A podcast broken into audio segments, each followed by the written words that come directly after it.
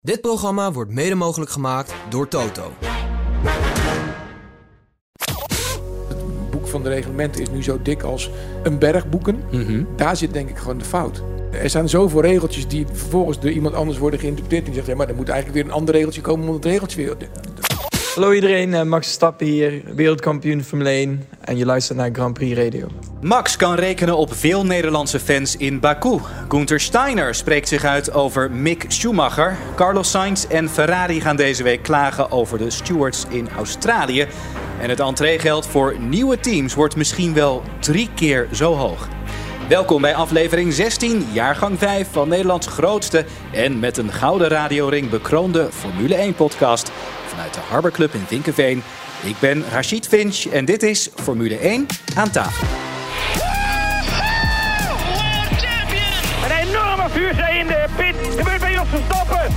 Hanging here like a cow.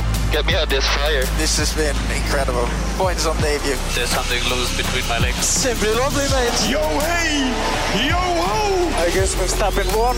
Dit is de grootste Formule 1-podcast. Formule 1 aan tafel. Onze gasten deze week. Nicky Terpstra, voormalig prof wegwielrenner. Winnaar van onder andere Parijs-Roubaix. Net terug uit Zuid-Afrika. Maar waarom was je daar eigenlijk?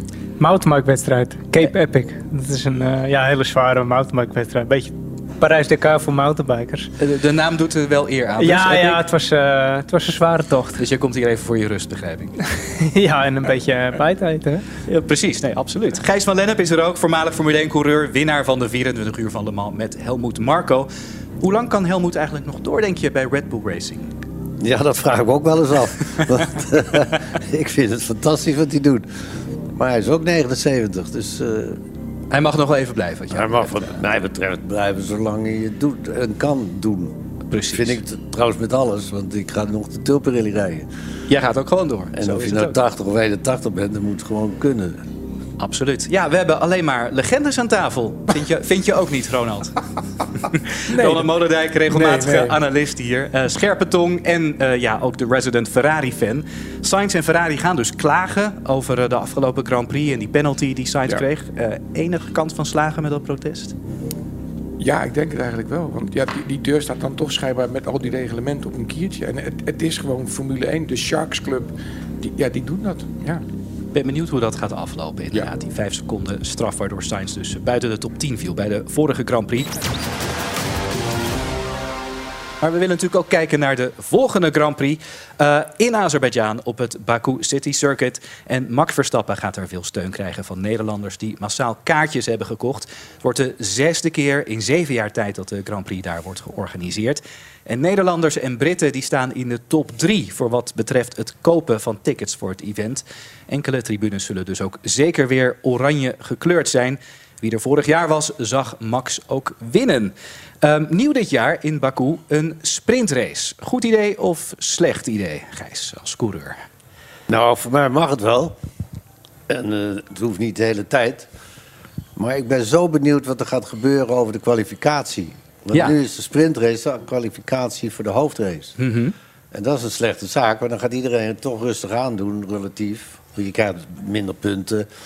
Dus dan is het niet echt interessant. Maar dat is, volgens mij ligt er een, een voorstel dat er op vrijdagochtend vrije training, vrijdagavond kwalificatie voor de, voor de hoofdrace. Voor de hoofdrace, ja. En dan zaterdagochtend kwalificatie voor de sprintrace. Ja, Nou, dan heb je dus nog maar één echte vrije training. En daar wil iedereen een beetje vanaf. Want je ziet niemand eh, reizen met volle tank, reizen met halve tank, reizen met eh, kwart tank. Dus het is allemaal niet zo interessant om een beetje zitten kijken naar hun long, long runs en zo. Voor hun interessant, Ja. maar niet voor het publiek. Dus maak het nou interessant voor het publiek. En- Eh, wat vind jij dan, Nicky, als? Ja, voor, het- voor het publiek is het zeker interessant. Ja? Alleen ja, voor teams is het wel moeilijk. Als je, als je niet de juiste afstelling in die korte vrije training kan vinden... dan ben je bijna voor het hele weekend gewoon de lul.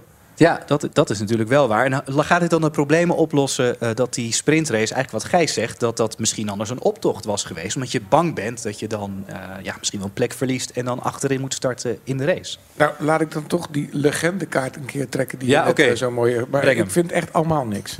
Ja. Nee, ik, ik vind het heel fijn dat, dat je gewoon zo'n soort format hebt waar die teams mogen sleutelen en mogen pielen en oefenen. Ja. Totdat je, op, dat je gewoon het aller, allerbeste op zondag aan de start krijgt. In Mhm. plaats van met allerlei kunstgrepen. Ja, dan maar minder mensen kijken. Ik ben er helemaal oké mee. Maar ik, ik, ik ben gewoon heel blij met zondagmiddag, preferable twee uur middags. Ja. Die lampen gaan uit en dan begint het. En dan kan ik echt zien wie het het beste voor elkaar heeft. Want er, ga- er gaan nu allemaal, het is bij de MotoGP hetzelfde, heb je ook sprintraces. Ik zie allemaal rare dingen gebeuren. Mensen die gewoon een rode lap krijgen, denken van, wat maakt het uit? Ik ram hem er gewoon doorheen, ik zie het wel. ik, ik vind helemaal niks. Echt helemaal niks. Maar sport- sportief gezien wil je ook een goede voorbereiding Ja, hebben. gewoon. natuurlijk. En, Het is en toch als dat gestoord? haasten wordt, is, is het niet fijn. Maar ja, aan de andere kant is dat dan ook weer... eh, ja, sportief moet je het ook zo goed voor elkaar hebben... dat je het in die korte tijd voor elkaar kan krijgen. Ja, maar is, is, is, ik, ik vind het Maar ik heel- vind inderdaad... Het zijn allemaal kunstgrepen en zogenaamd voor het publiek. En, nou ja, Misschien komt er wel een donderdag bij straks. Ja. Dat is wel weer Maar wil je niet dan, bedoel, als fan is toch leuk? Twee keer zoveel races, twee keer zoveel kwalificaties. Er is Maar- wel wat meer te zien dan eerst. toch? Zijn er nog andere sporten te bedenken, zoals bijvoorbeeld een bokswedstrijd waar je een sprintbokswedstrijdje doet of zo? Ja, soort van Of een de- voetbalwedstrijd waar we eerst een kwartier gaan. Ik vind het gewoon. Parijs, Parijs-Roubaix. Parijs-Roubaix, ja, Parijs-Roubaix. Maar dat doen we eerst de helft op vrijdag. Wat een totale onzin. Maar het is... Ja, we, we hebben wel eens een wedstrijdje gehad dat we inderdaad de dag ervoor een kort sprintwedstrijdje of zo hadden. En was, En was- hoe lang als van tevoren sporter je was ik dat daar totaal niet fan van. Nee. Maar goed, Maar wist je dat wel lang van tevoren? Dat Jawel, dat jawel, Ja, dat dan wel. ja. Want dat is hier een beetje anders. Nu weten we eigenlijk nog steeds niet hoe het over twee weken eh, eruit ziet. Maar ik vind het, het hele concept van sprintraces en alles moet, mag voor mij gewoon per direct opgeruimd worden. Maar het is alleen maar om het publiek, de kijkers tevreden te stellen. Want daar komt het geld vandaan. En als daar het geld vandaan komt, dan doen die teams ook wel een beetje mee. Want die vangen daar weer van. Mhm. Dus het is gewoon één politiek gebeuren. Maar dat is nou helemaal zo. Het gaat altijd om geld. En Hoort niet er altijd- anders. Het hoort altijd een beetje bij, hè? Ja. Gijs, ik ben nog even benieuwd, als coureur ben ik toch benieuwd. Ehm, nu je dan waarschijnlijk twee kwalificaties hebt... en dan een sprintrace en een gewone race... is de sprintrace voor een coureur dan heel anders dan de hoofdrace... of benader je het toch op dezelfde manier? Ja, ze benaderen het zeker op dezelfde manier. Maar ze kunnen ondertussen natuurlijk eh, eh, even oefenen met de hoeveelheid brandstof die ze dan nodig hebben voor 100 kilometer. Ja. En ja, het, is gewoon eh, vol racen. En daarna kunnen ze dus de afstelling weer een beetje veranderen voor, voor de volgende dag. Want zo slim zijn ze allemaal. Ze hebben alles in de computer staan. Er staan er zo'n twaalf op een rij. Dus ze, we- Precies. ze weten er alles van. Dat gaat allemaal wel Dus het helpt ook mee in plaats van een vrije training.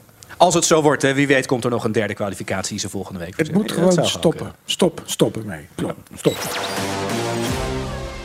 Het eh, inschrijfgeld voor potentiële nieuwe Formule 1-teams is in het nieuws. Als je een team wil beginnen, Ronald, 200 miljoen moet je even neerleggen. Dat is tenminste nu het geval. Ik pak heel even mijn telefoon en check eventjes mijn, eh, Of het, eh, of het erop zit. mijn bank-app. Volgens de Formule 1-baas Stefano Domenicali zijn de omstandigheden toen dat bedrag werd bepaald wel heel anders dan vandaag de dag. De waarde van de Formule 1 en de teams is zo hard gestegen dat hij denkt, nou ja, zo'n entreebedrag dat moet misschien wel 600 miljoen zijn. Drie keer zo hoog dus.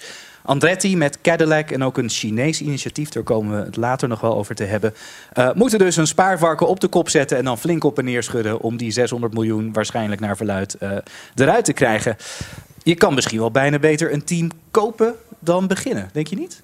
Ja, dat denk ik eigenlijk wel. Ja, ja op een gegeven moment is daar denk ik ook alles te kopen. Dat, dat zal inderdaad Ja. wel. Eh, Gijs, is het nou op deze manier niet heel moeilijk om meer teams te krijgen in de Formule 1? Nou, in zoverre, ze willen helemaal geen, niet meer teams. Waarom Want als eigenlijk je met z'n twintigen, oftewel met tien teams, de centjes verdeelt, Mhm. is dat beter als met 22. Vandaar dat ze ze dus ook zoveel laten betalen. Dat als ze dan toch mee moeten doen, kom maar op, dan hebben wij ook weer wat. Dan hebben zij er allemaal plezier van. Maar die, Ja, die, allemaal teams hebben natuurlijk in al die jaren zoveel geïnvesteerd. Ja. En dan begint het zijn vrucht af te werpen en dan zou er een ander team een beetje van profiteren Voor een prikkie Dus ik vind het eigenlijk wel. Ja, ja, ja. Ik vind het wel logisch. Ja, en als fan maakt het jou uit of er nou 9 of 10 of 15 teams op de grid staan? Het zou wel mooier zijn als het nog groter veld is, ja. Toch wel. Ja, jij dat ook, wel. Ja, ja, ja, dan kom, kom ik toch weer bijvoorbeeld met, bij MotoGP. Ja. Waar gewoon klantenteams nu gewoon races beginnen te winnen. Dat vind ik helemaal te gek. Dat is wel bijzonder. Ja, want dat zet de, de, de druk bij ja, de grote teams. Bij de Mercedes, de Ferraris. En inmiddels is Red Bull dan eigenlijk toch ook wel een fabrieksteam. Ja. Ik bedoel, die maken ook alles in huis. Vind ik leuk als er dan ineens een haas eh, vooraan staat, toch? Ja, ja ik vind dat Ja, echt wel dat cool. is wel een gaaf Ja. gevoel inderdaad. Ik Hoe is denk dat niet dat alle circuits blij mee zijn, want je moet toch even een grotere pitstraat hebben uiteindelijk. Ja. Dat is inderdaad waar, ja. Hoe, gaat het eigenlijk in wielrennen? Kun je daar gewoon zo even een team beginnen? Hoef je niet 600 miljoen neer te leggen? Nee, nee, dat moet je ook eh, investeren, maar Dat wel. geen 600 miljoen. Dat, dat scheelt. Eh, daar is het wel wat makkelijker om te beginnen, maar dan zit je ook met eh, licenties. De, de Pro Tour is het hoogste niveau. En er zijn 18 eh, licenties voor, dus Oké, die oh, dat moet is je een maximum weten. van, ja, van ja. 18. Ja. En wat je misschien ook wel wil voorkomen met dat hogere inschrijfgeld... is dat er teams bijkomen die het niet zo lang volhouden. Want de laatste keer dat er teams dat je nog in die tijd met HRT en Virgin Racing... dat, dat liep niet zo goed af natuurlijk. Was ook niet leuk voor de, voor de Formule 1.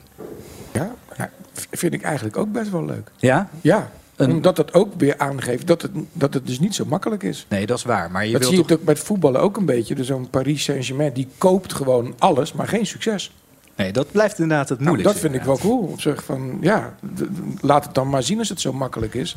Des te dieper moet je buiging natuurlijk zijn voor Red Bull. Dat, dat sowieso. Maar het is toch niet leuk om, om nieuwe teams toe te voegen... die eigenlijk alleen maar als doel hebben om een beetje achteraan rond te rijden? Dat is Klopt, toch ook niet vind waar ik ook. Nee, dat is niet de bedoeling. Nee, dat voor mij was dat ook niet het doel. Nee. Ik denk dat die mensen daadwerkelijk ook denken van dat kunnen wij ook. Ja. ja, zo zie je maar hoe moeilijk dat is inderdaad. Gijs? Nee, maar als ze zoveel geld uitgeven, dan eh, willen ze echt meedoen. Alleen, het Formule 1 reglementen zijn nou he- helaas een beetje, vind ik, zo... dat het heel moeilijk is om bij te komen. Ja. Ze maken het iets te ingewikkeld in mijn ogen. Alhoewel, gelukkig komen er nu een paar teams... ja, die komen een klein beetje naar elkaar toe. Maar dat is natuurlijk de bedoeling. Ze moeten allemaal even hard gaan, want dan hebben we een leuke race en anders niet. Ja. Dus, eh, maar dat ze voor Joker B willen rijden, daar geloof ik niet in. Nee, precies. Dat, is ook, dat zou ook niet goed zijn inderdaad. Het is wel grappig dat je dus een, een budgetcap hebt... maar voordat je daarvan profiteert... moet je dus eerst 600 miljoen eh, neertellen als, eh, als team. Dat is allemaal om zeker te weten dat, eh, dat je echt mee wil doen. Nou, we gaan het zo meteen wel hebben over een Chinees initiatief inderdaad. Dus een, eh, een eh, miljonair, biljonair... die dus ook flink wat geld moet neerleggen.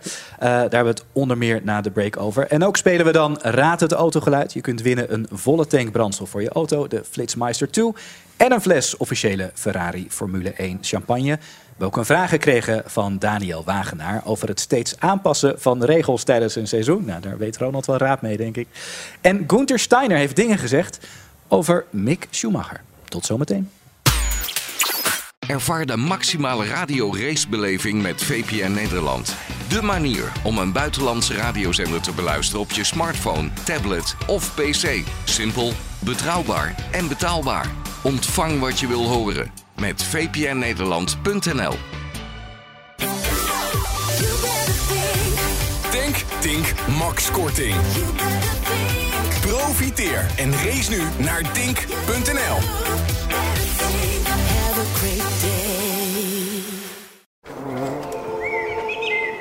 Het mooiste aan jouw tuin is de natuur. Maaien, snoeien en wieden. Er is altijd iets te doen.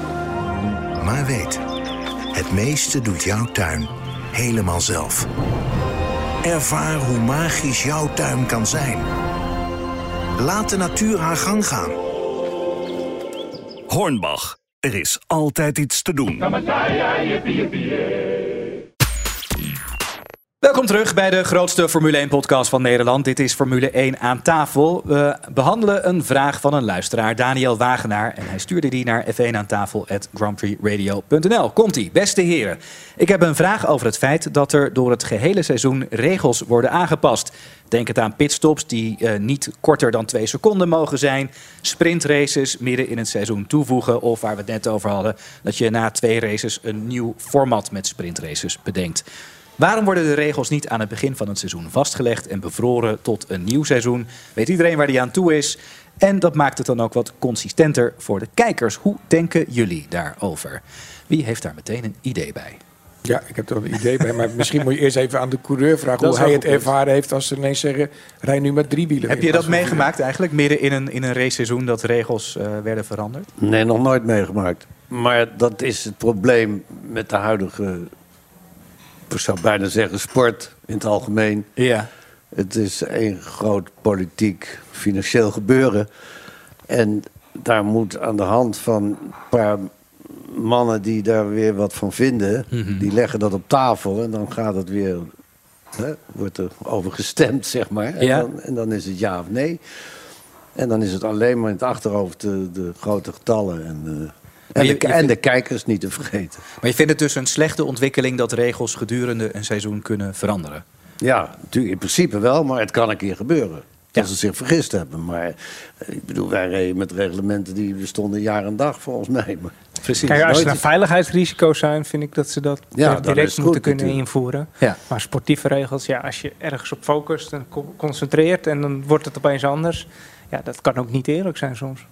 Aan de andere kant, met die sprintrace die er nu dan aankomt. Weer die sprintrace? Ja, weer die sprintrace. Of, of vind je dan, hadden ze op het laatste moment wel mogen beslissen om geen sprintraces te doen? Daar Zouden was je wel we nooit over moeten beginnen, over die hele sprintrace. Gewoon überhaupt niet. Nee, gewoon, het moeten allemaal weer weg. Ja. Maar even terug naar de vraag. Is het handig? Kijk, ten eerste, en, en, en Nicky zei het van, als het om veiligheidsrisico's gaat. Maar daar hebben we toch denk ik allemaal wel van gezien dat op een gegeven moment Mercedes kon de pitstopstrategieën van Red Bull niet meer volgen, zo snel. Ja. Dus die hadden zoiets van, wij zijn ook van Mercedes en wij hebben hier heel veel mensen in de pit staan die we ook betalen. Dus kunnen we dat niet gewoon op een cap zetten dat het niet, niet sneller dan twee seconden mocht? Ja.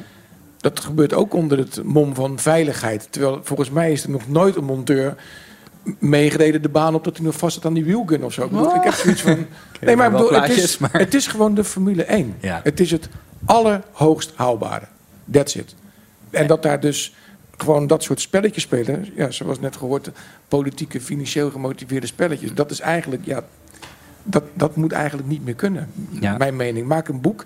En dat heb ik laatst wel begrepen, dat het boek van de reglementen is nu zo dik als hè, een berg boeken. Mhm. Daar zit denk ik gewoon de fout. Dat, eh, er zijn zoveel regeltjes die vervolgens door iemand anders worden geïnterpreteerd. En die zegt, ja, maar er moet eigenlijk weer een ander regeltje komen om het regeltje weer... Ja. Maar de, weer bij. zoals je Ja. weet slaat de politiek ook wel eens door. En dat hebben we nu de laatste race gezien, dat je drie keer een rode vlag hebt. Dat is natuurlijk Ja. van de totale waanzinnige. Hè? Het is ook alleen maar om, de, om de, de kijkers te pleasen, maar ondertussen reizen voor miljoenen, miljoenen schade. Ja. Dus dat kan helemaal niet. Het is waanzinnig. Voor gewoon een safety car en de rommel opruimen en weer racen. Maar eigenlijk Zo, hoor je ja. nu in alle onderwerpen van deze podcast... dat, het, dat eigenlijk geld elke keer daar de motivatie bij is gebleken... om het dan toch maar wel te gaan doen. Maar is dat ook in dit geval zo? Dus als je nu kijkt, eh, waarschijnlijk wordt er dan de komende dagen bekendgemaakt dat er dus een tweede kwalificatiesessie komt voor eh, hè, in Baku. Is dat ook niet een reparatie om te voorkomen dat anders die sprintrace gewoon een optocht, gewoon een hele lange formation lap wordt? Dan is het toch wel goed dat ze proberen een probleem te voorkomen door eh, een format aan te passen. Ja, dat Ja. ik. Ja. Ja, nou, dat zou kunnen natuurlijk, omdat ze het dan een interessanter maken, de sprintrace. Ja. Waar ze allemaal zo, nou ja, wel gedeeltelijk eh, le- leuk vonden. Ja. Maar dan moet je het ook wel waarmaken dat het ook echt leuk is. En dat kan dan alleen nog volgens mij op deze manier. Dat je je niet kwalificeert namens die wedstrijd voor de hoofdrace. Dat kan niet. Precies. Maar is gewoon het hele principe van een sprintrace niet gewoon een, een hele andere tak van sport? Ik bedoel, volgens mij hebben wielrenners ook tijdswielrenfietsen. En die doen dat Ja. die on- mountainbiken doe je ook niet op je wielrenfietsen. Dit is gewoon een hele andere sport dit. Het is helemaal niet, dat klopt helemaal niet samen. Sprintrace. Ga maar nu heel hard tien rondjes hard rijden. Dat, dat, dat vind jij geen goed idee dus? Nee, ja, het is voor mij gewoon niet Formule 1. Formule 1 is dat je auto na de finish in elkaar valt. Dan heb je het, het allerbeste gedaan. Ja. En als dan de, de race ineens heel kort wordt, ja, dan, is, dan klopt dat toch ook niet meer? Dus jij hoopt dat ze nog één keer dit seizoen de regels veranderen... waarin ze zeggen, we schaffen alle sprintraces af. Graag. Dan eh, naar Gunther Steiner, de baas van Haas. Die schreef een boek genaamd, ik moest even twee keer lezen... Surviving to Drive. Je denkt van eh, dyslexie, maar nee, nee. Surviving to Drive, dat klopt. En daarin laat hij onder andere weten wat Mick Schumacher... het team van Haas gekost heeft aan crashes. 1,9 miljoen euro. Steiner schrijft, ik heb niets aan een trage coureur... die tijdens een trage ronde niet eens kan sturen. Schumachers grootste crash in Suzuka 2022 kostte Haas alleen al 700.000 euro. Zo blijkt uit het boek. Gijs, kun je dat nou maken als teambaas, zo over een coureur praten, je ex-coureur? Nou, liever niet natuurlijk. Maar ja, die moet zich ook een beetje indekken. En Schumacher is nou eenmaal de naam Schumacher, want anders had hij nooit gereden. Daar ben je wel van overtuigd. dat hij Ja, niet... dat vind ik wel, ja. Denk jij dat ook, eh, Ronald? Ja, de marketingwaarde van de naam Schumacher is natuurlijk immens. Ineens wisten andere sponsoren ook dat er een team was dat Haas heet, wat nooit vooraan reed. En ineens, hé, hey, daar kunnen we misschien ook een sticker op plakken. Dus ja, die sponsorwaarde die, die is er gewoon klaar. Maar hij heeft binnen de eh, opleidingscategorie natuurlijk wel gewonnen. Ja. Dat is ook zo. Is dat natuurlijk bij de Ferrari Driver Academy. Kun je natuurlijk ook zeggen, en misschien heeft het ook iets te maken met de naam. Eh, ja, misschien een beetje een gekke eh, zijstap, maar ik verwijs even naar het Songfestival nu, waar we ook twee onervaren mensen die zeg maar in het voortraject best hebben aangetoond te kunnen zingen, maar nu er wat camera's op staan en wat mensen naar kijken, wordt het toch een ander verhaal. Ja. Daar laat overigens het team rondom de Songfestival deelnemers eh, hè, niks meer van zich horen. Dat doet Stijn in dit geval wel. Maar ja, hij heeft in het voortraject wel degelijk kunnen racen. Maar misschien op het moment dat alle camera's aangingen en je ineens realiseert als ik hem nu weer in de muur hang, ja, dan weet heel de wereld dat da- daarvoor kwam de naam Schumacher, Mick Schumacher, eigenlijk bij mij nooit voor in mijn zoekresultaten. Ik ben, ik ben, ja, je bent toch wel een legende als je een vergelijking weet te maken tussen de Formule 1 en het Songfestival. heb, je, heb je wel goed gedaan. Maar, hoe, maar terug te komen op je vraag. Ik Ja. vind het niet netjes van, eh, van Nee. een oud teambaas. Nee. eh, ik weet niet hoe ze uit elkaar zijn gegaan. Maar Maar ze een gekke, gekke trap na, zo voelt het eigenlijk. ja, maar, eh, waarom? Maar waar ik eigenlijk ook wel benieuwd naar ben, het kostte dus 1,9 miljoen euro. Maar ik heb helemaal geen idee of dat, klinkt veel. Is het veel? Nee, dus niet veel. Het valt mij mee. Ja? Ja. Dan, ik vind dat je, Nou. als we toch even één ding duidelijk hebben, maar Ja. ik vind als je 1,9 miljoen wegschrapt als ik vind het wel mee, Ja. vallen, ben je ook een legende. Ja, dat is waar. Maar die, die Gunther Steiner heeft natuurlijk een beetje boter op zijn hoofd. Want hij heeft Schumacher in die auto gezet, toch? Ja. Dus Ja. dat is wel leuk dat hij roept hoe slecht die Schumacher was. Maar Kijk, maar daarnaast is het toch eigenlijk ook niet netjes. Nee. Ik bedoel, Nee. Ik ben- een beetje flauw, maar je zou ook gewoon kunnen zeggen... Joh, dat, dat, dat verhaal vertellen we over 20 jaar nog eens. bijvoorbeeld. Ja. dan vind ik het ook. Ik bedoel, ik vind het ook leuk om alle verhalen te lezen van hoe het vroeger was in de Formule 1 of in de voetbal. Dat vind ik leuk, maar niet als het seizoen nog loopt. Bedoel, die jongen staat gewoon elke week nog naast eh, To- Toto Wolf eh, met een koptelefoon op hoofd. En dan ja, een beetje flauw. Maar daar dan over gesproken, denk je dat Schumacher ooit nog terugkomt bij Mercedes? Ja, ja? Met, een- met een boek en daarin, daar- daarin schrijft hij waarom Haast nooit een toffe auto heeft gebouwd voor mij. dat wordt zijn boek. Ja. We gaan Raad het autogeluid spelen. Als je de winnaar bent, dan mag je op onze kosten je auto vol tanken. We doen er een Flitsmeister 2 bovenop ter waarde van 80 euro. En een fles Ferrari Trento Doc. Allemaal te winnen dus in Raad het autogeluid. Mario de pizzaman staat in Druten bij autobedrijf Paul van Bergen. Praat met verkoper Jan Knevel. Eh, leuk spel. Ronald gaat het niks vinden. En Mario verraadt meteen waar je het zoeken moet. C-klasse. Ja, dus de... Dat mag ik eigenlijk helemaal niet zeggen. Wat voor kleur? Hij is uh, Celaniet grijs metaliek. Wij zeiden net iets over die motor. Uh, ja, dat is heel jammer. De nieuwe motoren, ja, het is gewoon lijkt wel op rondfietsmotoren. Het lijkt wel op, maar door die turbo's hebben ze wel een beetje pk, maar ja, het is niet anders. Uh, Kun je ermee rijden? Ja, het, het vermogen is goed, maar hij praat niet meer. 1500? Het is maar 1500 cc'tje. Ik wil hem best wel even horen nu. Ik slinger hem aan voor je.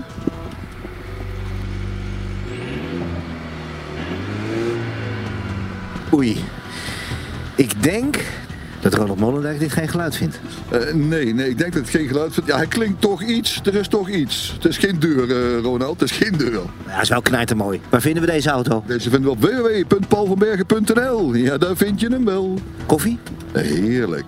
Ja, van welke auto was dit geluid? Als je het weet, uh, stuur je antwoord naar f1 aan tafel grandprixradio.nl. De winnaar van vorige week is Rafael Ozinga. Gefeliciteerd Rafael. Het geluid was dat van een Ferrari 699. Veel rijplezier. Je mag de tank van je auto helemaal volgooien bij Tink. Je krijgt de Flitsmeister 2 ter waarde van 80 euro. Die voorkomt dat je te hard rijdt. Had ik kunnen gebruiken net. En proost, want je wint ook een officiële fles Ferrari Formule 1 Trento Doc. Zoals de coureurs die op het podium krijgen.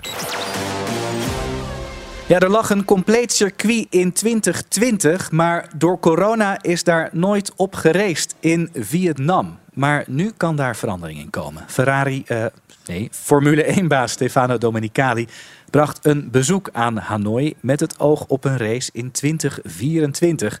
Maar er is veel concurrentie, want ook Zuid-Afrika zou best een plekje op de kalender willen. Dat lijkt me, dan hebben we het weer over geld en uh, commercie, maar lijkt me wel zuur. Dan bouw je een heel circuit En dan wordt er nooit op gereest door, door COVID. Ja, dat is eh, heel spijtig. Maar dan, als ze straks genoeg betalen, dan komen ze wel aan de beurt hoor. Precies, dat is dan het verschil inderdaad. Ben je enigszins bekend met het circuit in Vietnam? Geen idee. Geen idee, nee. Je kunt het in het Formule 1-spel van een paar jaar geleden nog een beetje spelen. Het, ik- het is niet echt leuk. Het is niet echt een leuke baan eigenlijk. Nee, Dus, maar eh, ik hoor altijd wel alle eh coureurs en oud-coureurs over het circuit in Afrika, in Zuid-Afrika. Dat Ja, is, dat is Dat ken je natuurlijk wel, ja. Kijk, Ja, ja, dat, is, dat ook een helderbaan, toch? Ja, maar dat is een echte baan. Ja. En waarom is dat een, een geweldige baan? Nou, dat is een beetje Zandvoortachtig. Oké. Is dat dezelfde ontwerper ook? getekend? Dat weet ik niet. Ah. Dacht ik niet, maar het is gewoon een fijn circuit om om te rijden, ja. Het zou ook tof zijn als daar gewoon eh, weer een eh, Grand Ja. Prix komt, gewoon in Zuid-Afrika. Ja, Is het dan ook een beetje hetzelfde? Ki- Ja, precies. En is dat een beetje hetzelfde verhaal als Zandvoort natuurlijk werd gepresenteerd als van het- de legendarische baan uit de geschiedenis die terugkomt? Dat, dat zou hetzelfde verhaal in Zuid-Afrika zijn waarschijnlijk. Nou, dat weet ik niet. Je moet natuurlijk wel links en rechts er wat aan doen. Ja, Want, eh, net als in Zandvoort natuurlijk. Ja, dat is ook zo. Eh, maar terugkomend op Vietnam, hoe belangrijk is de Aziatische markt voor de Formule 1? Is het belangrijk voor de Formule 1 om eh, in Vietnam aanwezig te zijn? Bovenop Singapore, bovenop wellicht China volgend jaar terug. Ja. Daar ook heen? Ja, tuurlijk. Ja, ja. Ik bedoel, het, het is echt een wereldsport. Dus ik kan me ook voorstellen dat tijdzones speelt mee. Ja. Maar natuurlijk ook eh, sponsoren en, en alles wat daaromheen gaat. En misschien ook wel andere merken weer die denken van... goh, dan kunnen wij misschien ook wel bij aansluiten. Ja, ik weet niet of dat het de grootste sport van de wereld is. Ja. Maar het is volgens mij wel echt een van de echt weinige sporten die overal komt. Maar als je zegt eh, het is een, een wereldsport, dan moet er misschien toch eerder een Grand Prix bij op het Afrikaanse continent.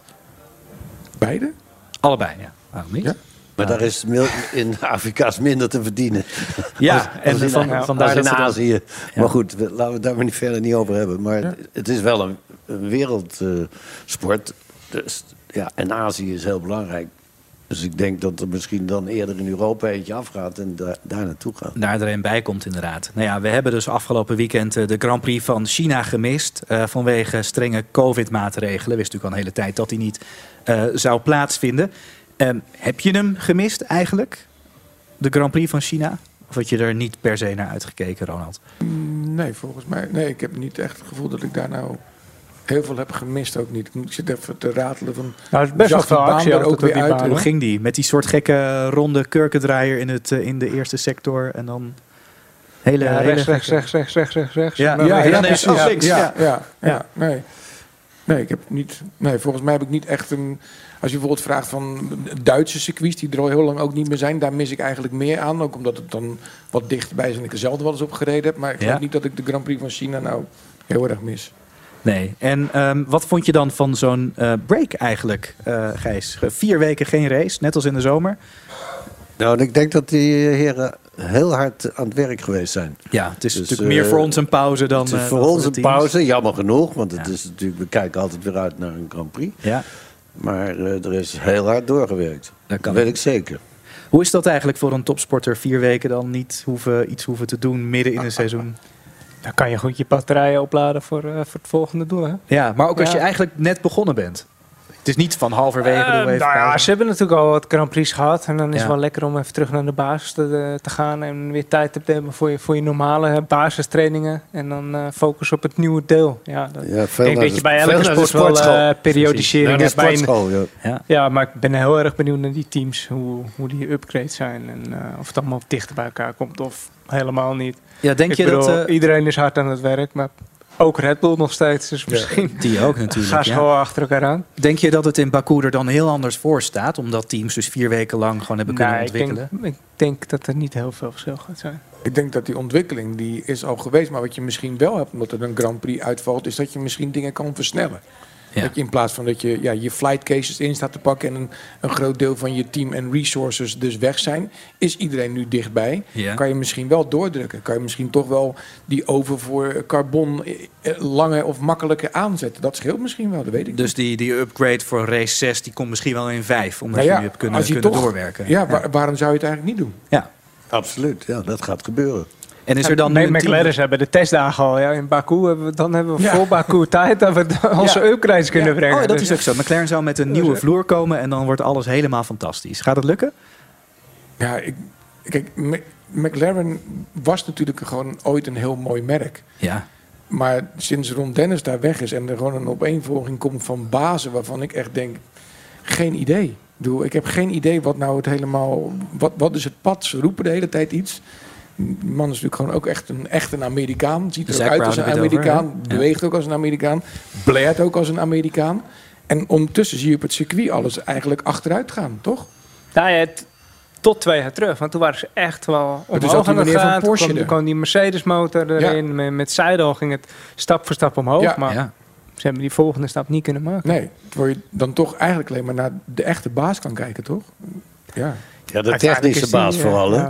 Ja. Ja, maar ja, die is weg. Zoals, Ja. meneer, zoals meneer Newey bij Red Bull. Precies. Zolang die nog bestaat, gaat gaan het goed anderen met het Red eh, Bull. moeilijk krijgen, inderdaad. Dat Ja. is ook zo. Ja, en dan gingen we dus nog hebben over Kelvin Low, een miljardair uit Hongkong. eh investeerder bij McLaren, toevallig. Eh, misschien dat hij daarom ook wel denkt: oh ja, met McLaren gaat niet zo lekker. Weet je wat? Ik ga gewoon een eigen team beginnen, een Chinees team met Chinese coureurs.